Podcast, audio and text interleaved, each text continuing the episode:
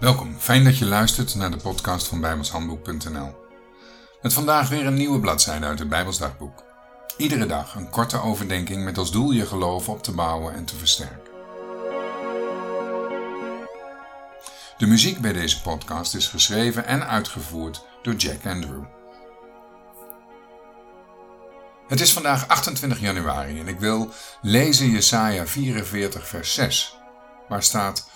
Zo zegt de Heere, de koning van Israël en zijn verlosser, de Heere der Heerscharen. Ik ben de eerste en ik ben de laatste, en behalve mij is er geen God.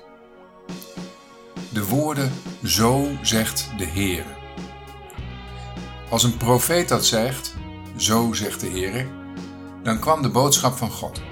Het is als bij een afkondiging van een wet of bij het uitspreken van een vonnis, bijvoorbeeld bij de rechtbank dan staan de rechters en de advocaten, de beklaagden en de getuigen en al het volk op de publieke tribune op. In naam der koning en wat dan volgt heeft rechtskracht, geldigheid over leven en dood, vrijheid en gevangenschap. Zo is het ook met de boodschap van de Bijbel, Gods woord. Deze heeft geldigheid.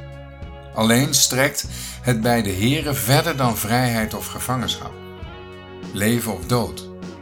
Het gaat ook over tijd en eeuwigheid. Dat is veel consequenter en definitiever. Wat is het mooi dat God ook in de laatste dagen tot ons spreekt.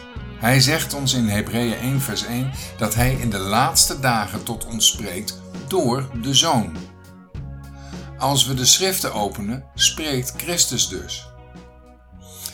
En Christus heeft geen andere bedoeling dan je van het eerste tot het laatste woord te verzekeren van de genade en de liefde. De Heer heeft zich niet van de mens afgewend, maar hij spreekt nog elke dag en roept de verloren mens tot zich. Met de woorden: Zo zegt de Heer.